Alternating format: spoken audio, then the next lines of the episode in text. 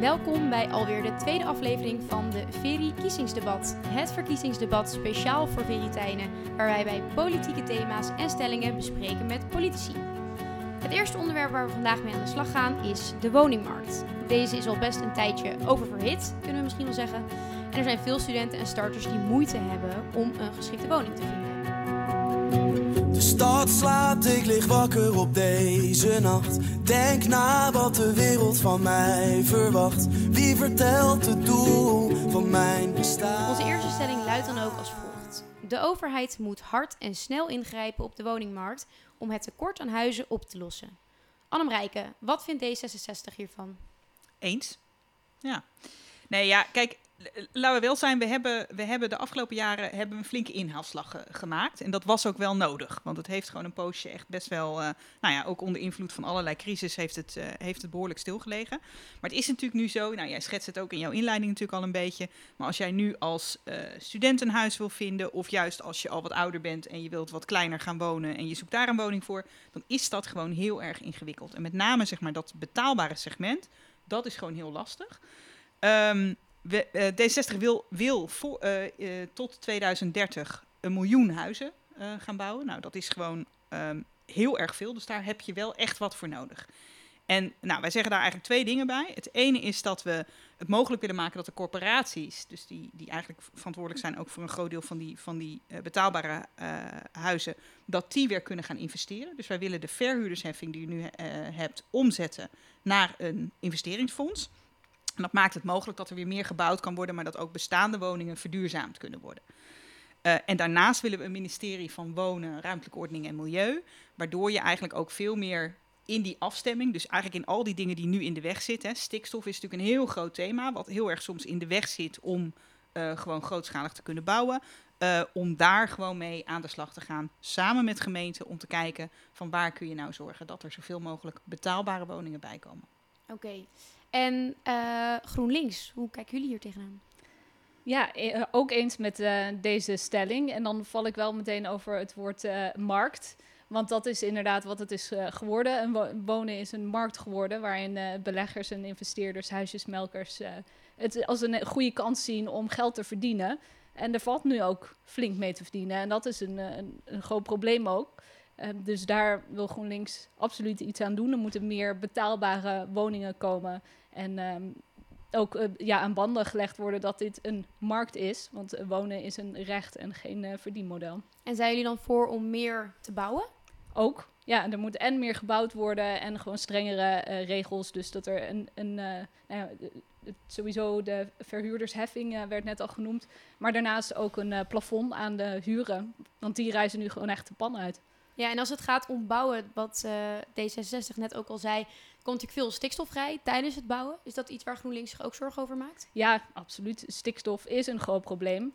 Ehm, maar er zijn gelukkig andere manieren om dat in te perken, eh, waardoor we wel kunnen blijven bouwen. Want dat is voor GroenLinks het allerbelangrijkste, dat we nog wel die woningen kunnen blijven bouwen. Maar dan kun je denken aan eh, niet uitbreiden van Schiphol, ehm, want daar komt stikstof vrij door het vliegen. En het inperken van de ehm, bio-industrie. En als die vermindert, dan komt daar ook minder stikstof vrij. Dus dat zou de keuze van GroenLinks zijn om daarin het eh, stikstof te beperken. Trouwens ook ehm, snelwegen aanleggen. Dat zorgt ook voor stikstof. Laten we- A27. ja, Eh, gezondheid. Ehm, die.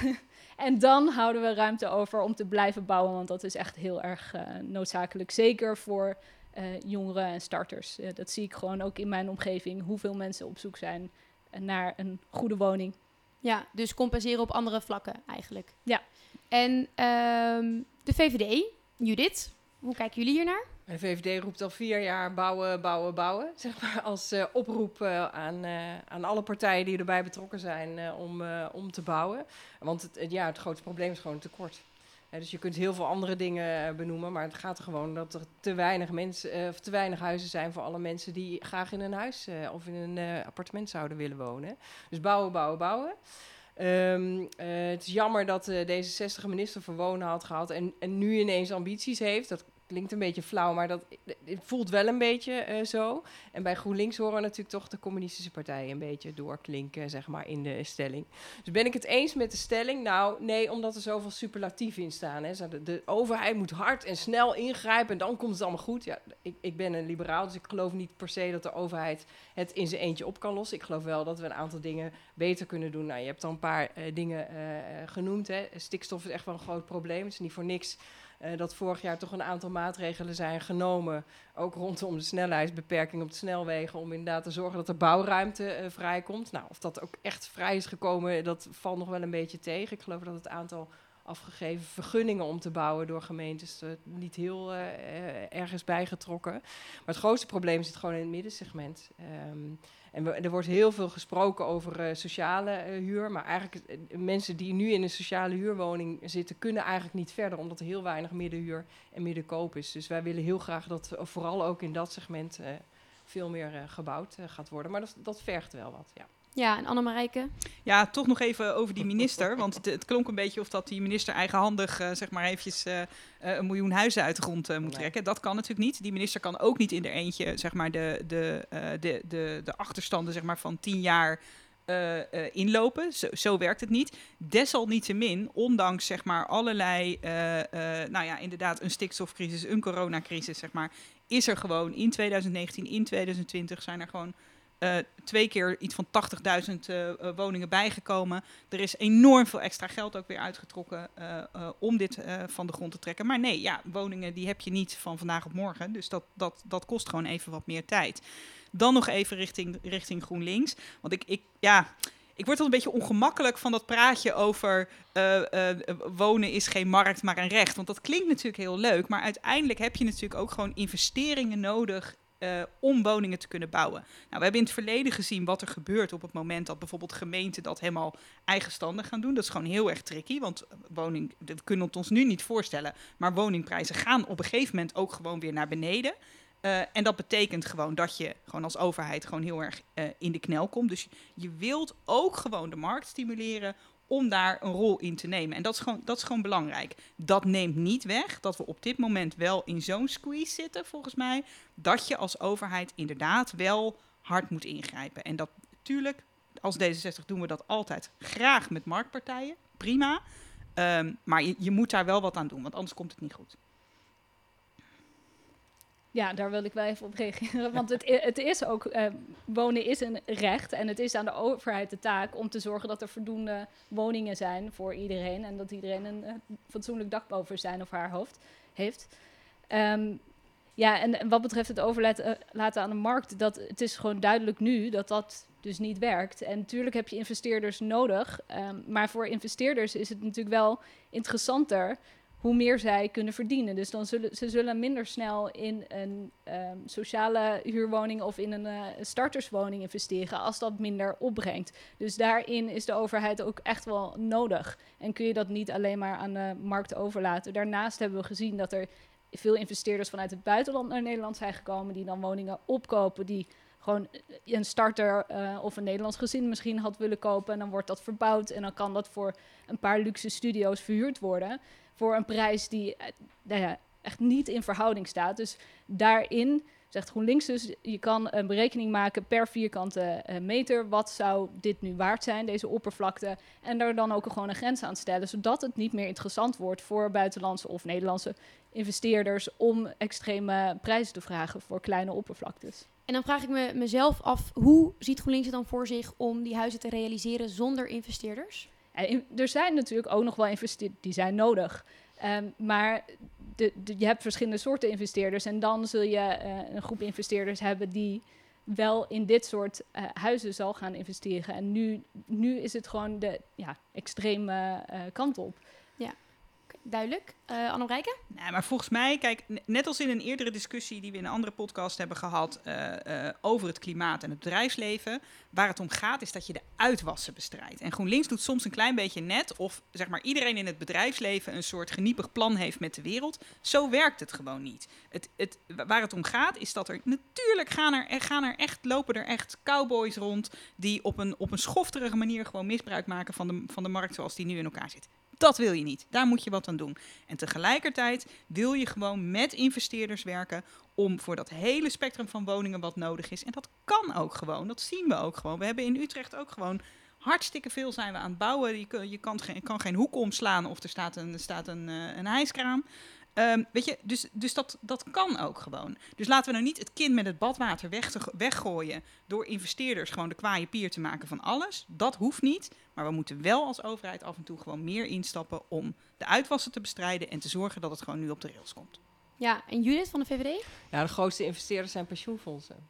Dus, je kunnen inderdaad net doen alsof het inderdaad van die enge cowboys zijn die eh, over de rug van arme huurders. eh, maar dat is niet. De grootste investeerders zijn gewoon pensioenfondsen. Dus daarin ligt ons gezamenlijke pensioengeld. En het is fijn als dat een beetje eh, groeit en duurzaam. Dus inderdaad, de beelden die GroenLinks vanuit een communistische inslag af en toe laat zien, die, die zijn niet helemaal terecht. De andere vraag die je aan GroenLinks zou kunnen zeggen, waar mag je allemaal bouwen? Ehm, eh, we zitten hier in Utrecht. Interessante discussie hebben we natuurlijk gehad over de grote polder eh, aan de zuidkant van Utrecht. Waar gewoon heel veel ruimte is om ook woningen neer te zetten die niet alleen maar, eh, zeg maar in een aantal verdiepingen omhoog zijn. Hè, dus de vraag is, bouw, de, de, vraag, of de opdracht is bouwen, bouwen, bouwen. De vraag is ook waar vinden we dat acceptabel? Dat heeft aan de ene kant met allerlei milieu- en klimaatnormen te maken, maar heeft ook gewoon te maken met ja, wat vind je, wat vind je acceptabel? En ik vind het gewoon niet goed uit te leggen dat daar een heel groot eh, weiland ligt. eh, waarvan GroenLinks zegt, ja, we willen daar geen huizen eh, bouwen. Terwijl heel veel mensen in de omgeving van Utrecht willen wonen. We kunnen wel zeggen, ja, in Drenthe is ruimte zat. Maar, heel veel mensen willen gewoon voor hun werk in deze omgeving wonen. Nou, zet daar gewoon alsjeblieft heel veel huizen neer. En dat hebben we met Leidse Rijn eh, ook gedaan. En volgens mij is het een prachtige wijk waar heel veel mensen met heel veel plezier wonen of willen gaan wonen. Oké, Tara, wat vindt GroenLinks? Ja, ik hoor hier eh, hele interessante dingen eh, voorbij komen richting GroenLinks over communisme en cowboys en weet ik veel wat. Nee, waar, waar mijn eh, bevlogen verhaal vandaan komt, is dat ik heel veel vrienden heb, eind 20, begin 30, die nog in een studentenhuis wonen, omdat ze gewoon geen huis kunnen vinden. En de huizen die dan verkocht worden, de, dus zie ik ook gebeuren, die worden dan mooi opgeknapt en verhuurd voor een prijs wat nou bijna gelijk staat aan hun startersinkomen of aan een bijbaantje, omdat ze niet aan een vaste baan kunnen komen, omdat dat heel ingewikkeld is. Dus daar komt het bij mij vandaan. Dit is gewoon precies wat ik zie gebeuren in mijn omgeving. En ik denk dat eh, heel veel jonge mensen daar ook echt gefrustreerd door zijn. En eh, ja, dus nog steeds dat. En dat probleem, en dat probleem zien, wij, zien we allemaal. Volgens mij is dat, dat, zeg maar, dat probleem, dat ontkent echt bijna helemaal niemand. Zeg maar. Dan is- is nog wel een beetje de vraag, waar komt het vandaan? Dan heb je nog wat extreemrechtse partijen die daar ook een eh, over hebben. En uiteindelijk, hè, je, moet, je moet inderdaad wel al je mensen kunnen huisvesten. De vraag is, wat is de oplossing? En de oplossing is bouwen, bouwen, bouwen. Maar dat is makkelijker gezegd eh, dan. Ik doe het graag hoor. En, en we blijven oproepen. Het is makkelijker gezegd dan gedaan. Maar daar moet, je, daar moet je dus plek voor hebben. Er moet ook plek zijn, ook in stukken die nu nog misschien, als je van hoog boven naar Nederland kijkt, eh, groen uitzien. Eh, zoals de polder Rijnenburg. Maar er kunnen gewoon hele mooie eh, woningen op, vlakbij uitvalswegen, waar mensen heel fijn kunnen gaan wonen tegen een redelijke prijs. Want die prijs die zal echt beter worden. Daarom werkt het als een heel gereguleerde markt overigens hoor. Maar als er genoeg aanbod is, dan wordt het ook niet wat de gek ervoor geeft. En dat is wat ik wel echt wel herken in wat mevrouw Scully zegt.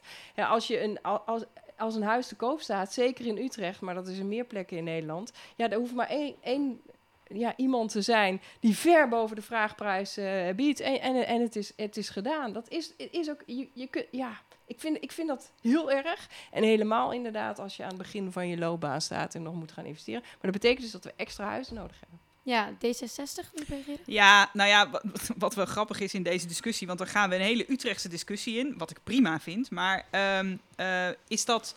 di- di- Dit gaat eigenlijk aan twee kanten een beetje fout. Want inderdaad, GroenLinks die denkt soms misschien inderdaad iets te naïef van... nou ja, goed, dat hebben we gewoon allemaal niet nodig. We komen er wel gewoon binnen de stad uit. Nou, als we echt significant meer huizen gaan bouwen... dan hebben we natuurlijk op een gegeven moment ook wel eh, meer ruimte nodig. Nog niet gelijk overmorgen, weet je wel. Want wij hebben nog een aantal hele grote bouwprojecten hier in Utrecht. Ook met heel veel studentenwoningen overigens. Ehm, waar we echt voorlopig nog wel eventjes mee door kunnen. Maar op een gegeven moment komt zo'n polder, die, eh, die Judith noemt, die komt echt wel in zicht. Alleen, de VVD heeft natuurlijk wel een beetje boter op zijn hoofd. Want de VVD die doet net of je gewoon 25 woningen gewoon eventjes in zo'n, in zo'n polder pleurt en dat je dan klaar bent. Maar dat is natuurlijk niet hoe het werkt. We hebben daarvoor heel veel geld nodig om te zorgen dat we daar gewoon dingen kunnen doen. We willen, we willen verschillende dingen met die polder. Dat kan ook, want hij is heel groot. We willen daar energie opwekken, we willen daar huizen bouwen. Maar dat betekent ook dat daar openbaar vervoer naartoe moet. Daar, moet ook, daar moeten scholen komen, daar moeten voorzieningen komen. Dat zijn nou juist de lessen die wij geleerd hebben destijds van Leidse Rijn. Waar we ook in het, in het Wilde Weg een, een aantal huizen zijn gaan bouwen... die vervolgens eindeloos hebben moeten wachten tot daar iets van voorzieningen kwamen. Dat willen we niet meer. Dus dan is het ook boter bij de vis, zeg maar. Dan moet je ook realistisch zijn. Die huizen die komen er niet overmorgen. En daar moet behoorlijk veel geld mee bij. Dus nou ja, laten de VVD dan maar ook, ook landelijk uh, uh, zorgen dat dat geld er komt. Ik wilde net zeggen, laten we het weer even wat breder trekken, los van Utrecht. Want we hebben het natuurlijk over de Tweede Kamerverkiezingen die eraan komen en die plannen. Um, ik heb ook nog wel een vraag aan uh, Judith van de VVD. Want je had het net over bouwen, vooral in de, de middenklasse. Terwijl we toch ook zien dat er veel starters en studenten moeite hebben met het vinden van huizen. Kijken jullie daar ook naar? Ja, ik, ik vat starters onder de middenklasse heel eerlijk. Hè. Zeker uh, uh, studenten die een hogeschool of een universitaire opleiding hebben gedaan, starten vaak gewoon in een zijn starter op een baan en start op de woningmarkt, maar zitten vaak al in de, in de middengroep uh, natuurlijk. Dus al, dat, dat hoort daar zeker bij. Uh, en ik kan me heel goed voorstellen dat als je werk vindt hier in de omgeving, dat je ook heel graag in Utrecht blijft wonen. En dat geldt natuurlijk voor elke studentenstad in, in, in Nederland. Dus ik vind inderdaad dat middenhuur en middenkoop heel erg past bij het ja, je gaan begeven op, op, op de arbeids- en de woningmarkt. Ja hoor. En studentenwoningen dan even heel specifiek. Um, jullie, besteden jullie daar veel aandacht aan? Zijn jullie er ook voor om daar meer van te bouwen? Ja, dan, per stad is dat verschillend. Hè? Ik denk dat Utrecht en Amsterdam een beetje de kroon uh, spannen, zeg mm. maar, in, uh, in overspannen uh, studentenhuizenmarkt. Maar, maar zeker, hè? uiteindelijk moet er gewoon voor iedereen een passende woning in Nederland zijn. Ook nog een beetje in de regio waar je wil. En wat dat betreft hoop ik overigens dat corona ook heeft laten zien dat je niet per se uh, in, dezelfde stad hoeft te wonen als je werkt. er is natuurlijk uh, zeker in de oostkant van Nederland heel veel ruimte uh, waar voor je geld, zeg maar, qua wonen. maar uiteindelijk vind ik dat er voor iedereen een passende woning moet zijn op een plek waar je, waar je, waar je, waar je ja, graag wil wonen. Ja, dat is nu gewoon niet het geval. En, en als je inderdaad de wanhoop ziet bij jonge mensen. Uh, of ook niet, alleen, niet eens alleen jong, maar ook mensen die nu zeg maar uh, of, of uh, willen verhuizen of van baan veranderen door corona of gewoon echt in de geldproblemen komen door corona. Ja, er is, je, het zit zo vast. dat gevoel, dat, ik denk dat we dat allemaal herkennen. Dus er, er moet gewoon echt meer ruimte in die, in die, in die woningmarkt. Ja. Ja, nog even tot slot D66. Ja, nou ja, D66 heeft inderdaad ook landelijk echt wel wat plannen gemaakt, echt ook over rond studentenhuisvesting, want dat is inderdaad echt ook wel uh, problematisch. Het, punt is inderdaad uh, uh, wel dat daar inderdaad heel veel samengewerkt zal moeten worden met gemeenten. Um, wat wij graag zouden zien is dat um, er zijn een aantal gemeenten en gelukkig hebben we daar in Utrecht, uh, um, nou ja, hebben we daar uh, wel het een en ander op kunnen doen. Maar is dat er eigenlijk een hoop gemeenten zijn die het best moeilijk maken voor nieuwe studentenwoningen om er te komen. Bijvoorbeeld, dus als jij een, een woning in je bezit hebt en je zou dat willen omzetten naar een studentenwoning bijvoorbeeld, dan is, zijn er best veel gemeenten die dat heel ingewikkeld maken. Nou ja, wij hebben gewoon in Utrecht hebben we uh, heel erg ons beste voor gedaan om te zorgen um, dat er gewoon studentenwoningen kunnen blijven komen. Um, dat willen we graag ook blijven doen, maar ook daar zou je natuurlijk landelijk best wel, wel, wat, uh, nou ja, wel wat, wat vragen op kunnen zetten richting die gemeente van um, um, make it so, zeg maar. En ik denk in het verlengde daarvan, ja, eigenlijk alles wat je kunt weghalen in de zin van belemmeringen die gaan om het omzetten, bijvoorbeeld ook van uh, leegstaande kantoorpanden. Nou ja, er wordt nu gezegd, uh, de, de, de coronacrisis maakt natuurlijk dat mensen misschien minder op kantoor gaan werken. Nou ja, hopelijk komen er daar ook weer dingen van. En ik denk dat waar ik persoonlijk heel erg, veel, heel erg fan van ben, zijn van die gemengd wonen projecten, waarbij een aantal verschillende dingen bij elkaar komen. Dus we hebben in Utrecht een paar mooie voorbeelden, bijvoorbeeld zo'n Place to Be You waar studenten samenwonen, ook weer met uh, jonge mensen die uh, nou ja, een wat moeilijkere start hebben gehad, bijvoorbeeld. Uh, en met statushouders. Nou, dat zijn volgens mij mooie combinaties die je kunt maken.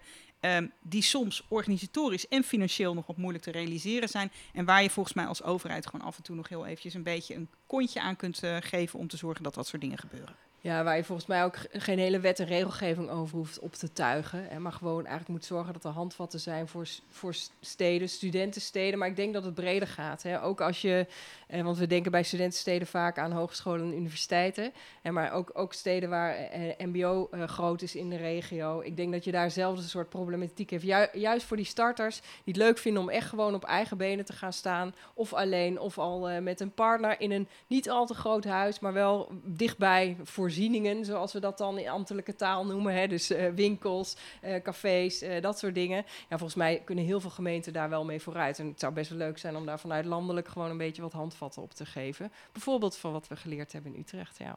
Oké, volgens mij zijn er best wel wat creatieve oplossingen te bedenken. En zijn we het er allemaal over eens dat er gebouwd moet worden. Dan gaan we alweer door naar de laatste stelling van vandaag.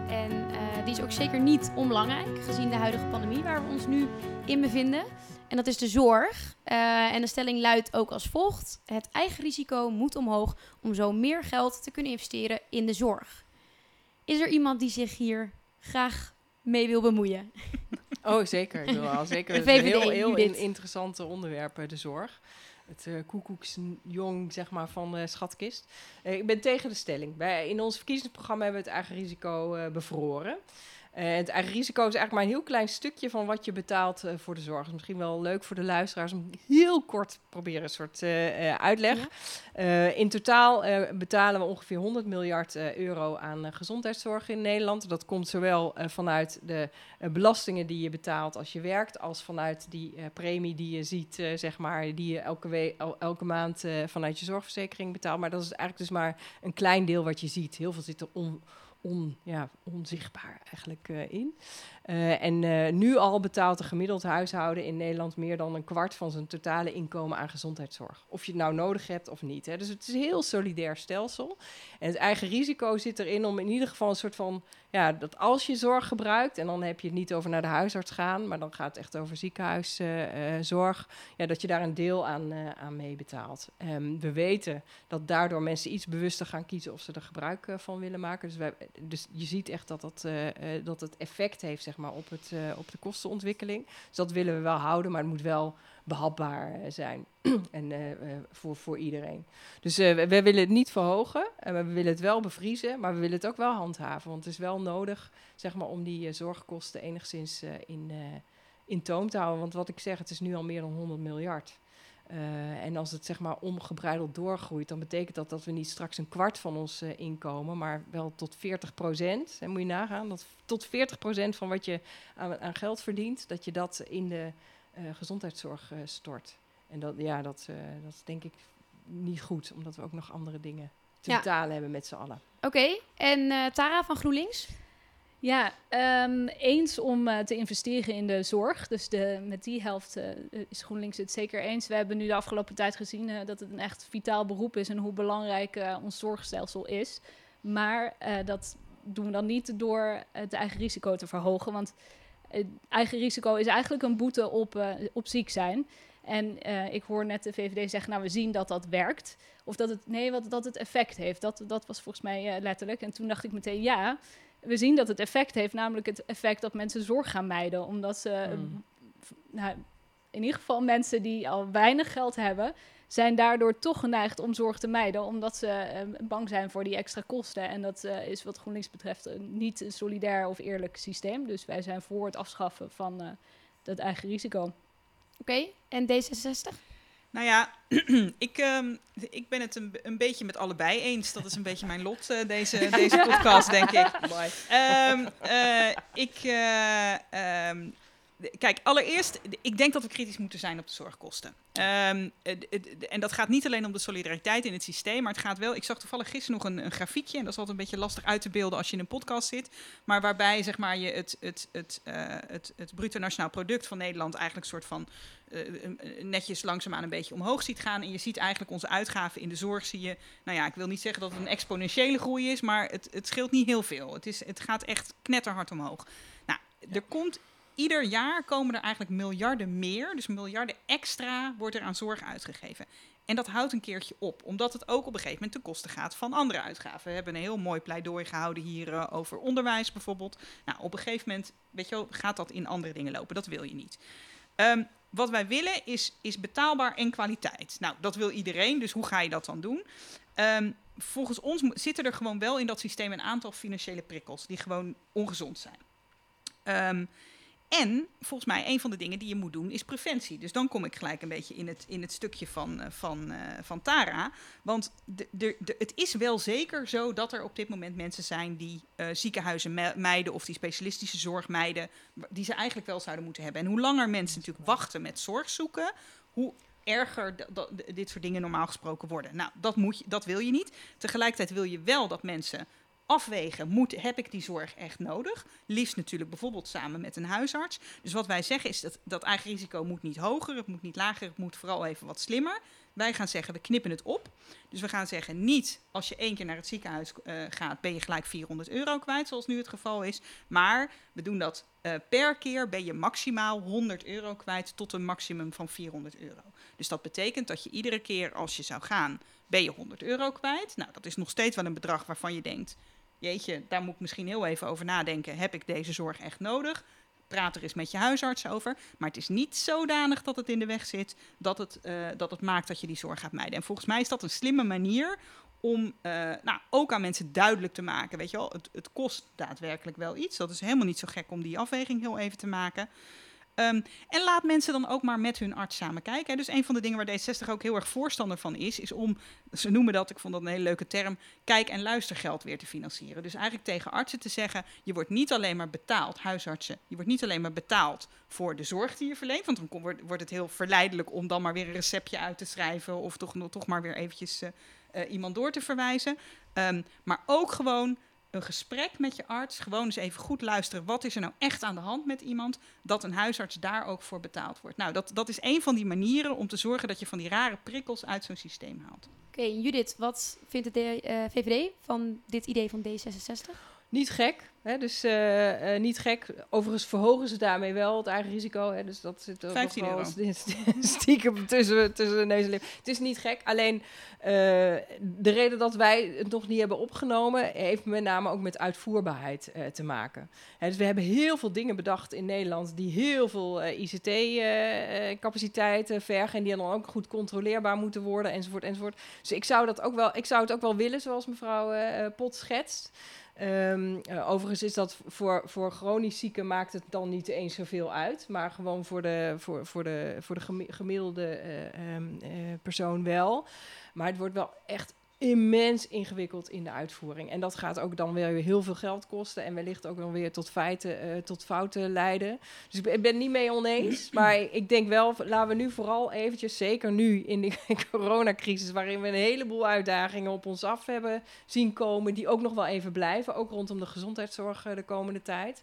Laten we dat proberen heel goed te doen. Ook zorgen dat we beter voorbereid zijn uh, op, op groot, ja, grote andere uh, vragen in de, in de zorg dan we hebben. Laten we uh, richten op innovatie die ook goedkoper kan. Hè, veel meer maatwerk. En inderdaad, wat mevrouw Pot terecht zegt, er is ook nog wel zorg, nog best wel veel zorg. En dat hebben we ook geleerd afgelopen jaar, die eigenlijk niet zo nodig is. En hoe kun je nou een goed afwegingskader maken waarbij inderdaad artsen samen met patiënten beter kunnen afstemmen van wat heb je nou nodig, wat past nou bij jouw ziekte, maar ook bij jouw situatie. En daar is nog heel veel over, uh, heel veel over te verbeteren, denk ik. Ja, meer maatwerk eigenlijk dus. Ja, nou, zorg is natuurlijk eigenlijk al heel erg maatwerk. Ik denk dat als één ding maatwerk is, het, is, is het zorg. Uh, de hele financiering eromheen alleen is veel minder maatwerk. En ik, ik, ik, ik, voel dus wel mee dat dat echt wel beter kan. Maar ik ben ook een beetje huiverig om dat nou allemaal op, uh, op poten te stellen. Zeker als je ziet dat vorige week hebben we nog een rapport hebben gekregen over uh, uitvoeringsorganisaties. Dus de Belastingdienst, het UWV enzovoort. Ja, we hebben, echt, we hebben echt gewoon als overheid ook nog best wel heel veel te doen. Dus uh, one step at a time, zou ik in goed Nederlands uh, willen zeggen. Ja, en Tara, GroenLinks, wat vinden jullie? Ja, ik uh, hoor nu van, van beide collega's iets voorbij komen over de, de kosten en de kosten. En het natuurlijk erg belangrijk. Um, wat mij wel opvalt, het is de laatste tijd zo dat in de zorg mensen onwijs veel bureaucratische uh, romslomp erbij krijgen bij het daadwerkelijke werk. En, sommige zorgmedewerkers zelfs 40% van de tijd bezig zijn met invullen van de juiste code en de juiste uh, schemaatjes en dingen.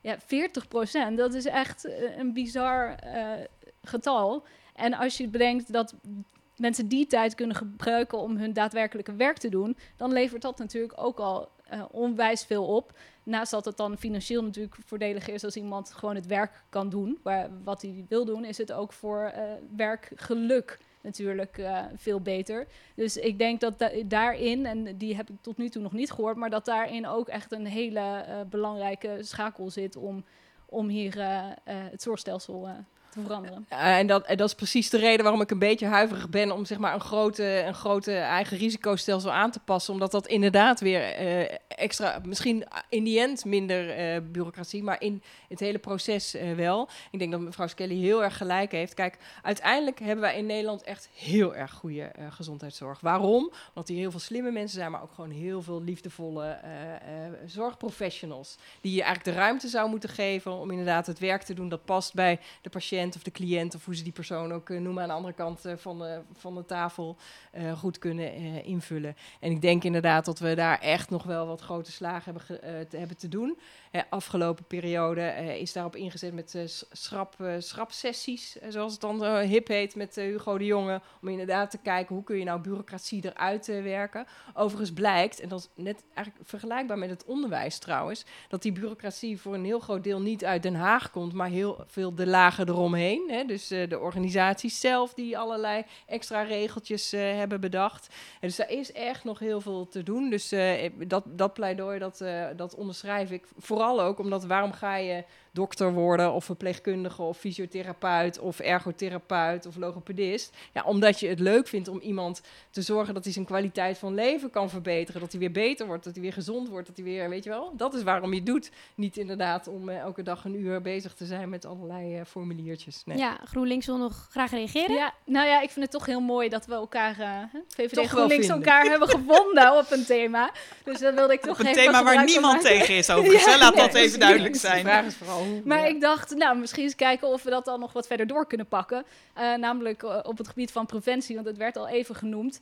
Uh, ik vind het ook echt nou ja, wonderbaarlijk dat als je gezond wil eten, dat dat echt veel duurder is dan uh, als je ongezond wil, nou ja, wil, dat wil je misschien niet. Maar dus als je weinig geld hebt, dat je dan weinig keus hebt daarin. En als je gezond wil eten, dat dat een stuk moeilijker is. En dat heeft onder andere te maken met uh, natuurlijk belastingen op uh, groente en fruit. Dus ik ben benieuwd of de, VVD en GroenLinks misschien daarin ook weer wat dichter bij nee, elkaar dat kunnen vrees ik niet. Oh, toch niet? Nee, nee, nee. nee, maar ook dat heeft weer met uitvoerbaarheid te maken. aan de ene kant vraag ik me af of, of goedkoop eten, of dat altijd ongezonder is. Uh, ja, ik bedoel, uh, een, een, fles cola is echt duurder dan een, pakje theezakjes waar je een week langer mee doet. Hè. Dus het heeft, het heeft met heel veel andere dingen te maken. en groente en vrij, ja, als je dat weer andere btw's enzovoort moet gaan, het, het levert een om een enorme hoop, uh, ik wil een vervelend woord zeggen, maar enorme hoop bureaucratie weer op, ook weer bij de Belastingdienst. Dus soms klinken dingen heel sympathiek en heel goed, maar het moet ook wel uitvoerbaar zijn en moet ook ergens toe leiden. En de vraag is of dat dit dat doet. En ik denk het niet en dan wil ik liever mijn focus leggen op andere dingen, want rondom preventie, ben ik het eens, is nog wel heel veel te doen. Uh, we kunnen echt nog wel uh, meer, uh, ook vanuit de overheid, wel stimuleren om mensen gewoon een gezonde leefstijl. En dan denk ik ook met name aan bewegen en sport. Ja, Tara, je wil nog wat vragen? Aan de ja, nee, de, tijdens dacht ik, ja, maar het, het, verhogen, dat was niet zo'n heel groot probleem van die belasting. Maar nu, als het nu dan verlaagt, dan is het ineens, oh ja, nee, maar, ja, maar dan moeten we Die verhoging ging over de hele linie. Hè, dus dus echt, hè, je, je, je kan je soms niet voorstellen hoeveel cijfers er door die computers gaan bij de Belastingdienst. Maar die verhoging, die ging het was niet leuk overigens. Hè. Dat deden we niet met een, uh, uh, veel plezier. Want de VVD is voor lastenverlichting, dus liefst altijd zo laag mogelijke belastingen. Uh, vooral voor de mensen. Um, en dat hebben we toen moeten verhogen, omdat we echt uit een gigantisch diepe crisis kwamen. Dus dat was, dat was geen plezierige maatregel, maar dat ging over de hele linie van producten. En nu zou je er een deel uithalen. dat, is gewoon, dat levert gewoon weer extra complexiteit op. Maar ja, feit blijft wel, het is echt zo dat gezond eten duurder is dan ongezond eten. Ja, dat, en, uh, dat, ja. dan moet je dan nog maar eens uitleggen. Maar, ja, dat is discussie leuk, budget, leuk budgetrecept is misschien leuk voor een volgende podcast. Nou, en we zien dat nu echt heel, heel Koken met Judith. Ja. we zijn en, en, en, en Tara. Goedkoop en gezond koken met Tara. Nou, ik zie een nieuwe carrière voor me. Nee, maar in, zeker nu in tijden van corona zien we ook dat heel veel gezinnen gedwongen naar de voedselbank moeten. En dan heb je niet eens een keus om te kiezen wat je gaat kopen, want je kan niks kopen. Dus ik zie daar echt een probleem. En als je eh, wil in- ja, investeren in preventie, dan zit dat ook in gezond eten. Ja. En dan wil ik als laatste nog even D66 het woord geven rondom het thema zorg. Ja, nou ja, goed. Volgens mij is, is, hebben we zeg maar zeker rond, het, eh, rond de stelling hebben we, hebben we echt wel eh, ehm, volgens mij een mooi rondje gemaakt met alle, met alle meningen. Ik denk dat het gewoon ehm, belangrijk is om nog eens te onderschrijven. Want ik, ik zei net een beetje guitig van ja, daar is natuurlijk niemand het mee oneens toen het ging over die bureaucratie. Ehm, maar we hebben inderdaad gewoon een heel goed zorgsysteem in Nederland. Daar werken ehm, fantastische mensen. Volgens mij heb- is er, is er, als er één periode is dat we dat hebben gezien, eh, is het de afgelopen periode. Ehm, dus laten we vooral inderdaad met elkaar kijken hoe we die mensen het werk zo makkelijk mogelijk maken. Ik denk dat dat, eh, dat, dat de opdracht eh, moet zijn. Ja, Ja. En, en inderdaad ook positief praten over dat stelsel. Hè. We- In, de, in het politiek-maatschappelijke debat wordt er vaak, vind ik, ook nog wel eh, snerend over gesproken. Terwijl we echt als Nederland trots op mogen zijn. Het is niet alleen een van de beste zorgstelsels eh, ter wereld, maar ook nog een van de meest eh, go- goedkope, heel eerlijk. En dus die solidariteit die we van, van alle Nederlanders vragen. Hè. Iedereen betaalt mee, jong of oud, ziek of gezond, of je nou in de Achterhoek woont of in Amsterdam. Iedereen betaalt eraan mee. En ik denk dat we daar gewoon ook heel positief over kunnen zijn. En ook alle mensen die erin willen gaan werken. Ik zou zeggen, ja, maak daar een mooie, mooie loopbaan van. Ja, dat vind ik een mooie, mooie afsluiter. Nog even over de gezonde maaltijden. Die hebben we hier op Ferie. Die zijn te bestellen. Die zijn Hey! erg lekker en gezond. Eh, als laatste wil ik, eh, wil ik jullie nog vragen om ieder een, een kleine pitch te geven... waar jullie partij zich de komende vier jaar voor in wil zetten. En dan geef ik Tara van GroenLinks als eerste het woord. Oh jeetje. Ehm, nou ja, de afgelopen eh, jaren hebben we gezien dat eh rijken steeds rijker zijn geworden en een grotere kloof is eh, ontstaan. Voor als, als jongeren is het steeds moeilijker om een goede start te maken. Of dat nu is door het leenstelsel of omdat de kamers de prijzen omhoog zijn gegaan. Ehm, dus GroenLinks wil investeren om te zorgen dat die kloof eh, vermindert in jonge mensen, eh, investeren in het onderwijs, maar ook voor in betaalbare woningen. En daarnaast natuurlijk hebben we te maken met de klimaatcrisis. Dus we moeten daar hard mee aan de slag. Ehm, bedrijven eh, moeten hun aandeel ook betalen, vervuiler betaalt, ehm, voor een meer duurzame toekomst. Oké, klinkt goed. En Judith, wat zijn de belangrijkste speerpunten voor de VVD de komende jaren? Ja, we zitten in een enorme eh, coronacrisis, waarvan we ook nog niet precies weten wanneer die eh, afgelopen is. Maar wat in ieder geval die crisis heeft laten zien, is aan de ene kant inderdaad dat die zorg enorm eh, belangrijk is. Daar waren best wel tekorten in ook. Nou, die zijn nog niet weg. Hè, dus we hebben echt mensen nodig die in de zorg willen werken de komende jaren. Überhaupt werk wordt een van de grote uitdagingen. We hebben hele verschuivingen gezien in de arbeidsmarkt. Eh, van sectoren waar ja, eigenlijk niks meer eh, aan werk is, eh, naar andere sectoren waar de tekorten alleen maar groter worden. En een overheid die opkomt voor de mensen en, en beschermt als het nodig is. Nou, die drie punten. En waarbij mijn eigen punt, hè, werk, werk, werk, zeg maar. ja, daar gaan we ons de volgende vier jaar, wat ons betreft, heel erg hard voor maken. Zodat we eigenlijk ja, samen sterker verder kunnen na deze crisis. Oké, mooi. Als afsluiter hebben we nog Annemarijke van D66. Wat zijn jullie plannen? Dankjewel. Nou, het mooie is eigenlijk dat jullie zulke prachtige eh, eh, thema's hadden gekozen. Dat eigenlijk alles eh, wat D66 als speerpunt heeft neergezet, namelijk onderwijs, klimaat en wonen, dat dat eigenlijk precies de thema's waren waar wij, waar wij op focusten. Dus ik dacht misschien nog wel leuk om even te zeggen wat ik, wat ik zelf heel graag zou gaan doen in, in Den Haag. En, ehm, eh, en dat is eigenlijk het stukje ehm, wat te maken heeft met de, de hoeveelheid mensen die rekenen op de overheid voor steun. Dus of je nou schulden hebt, of dat je eh, de overheid nodig hebt voor zorg. eh, eh, of dat je inderdaad begeleiding nodig hebt richting werk. Die eigenlijk binnen de overheid de laatste jaren een beetje de, de, de, draad kwijtraken. Door de, de ingewikkelde systemen, door het wantrouwen van de overheid. Nou, alles eigenlijk wat we voorbij hebben zien komen bij de toeslagenaffaire.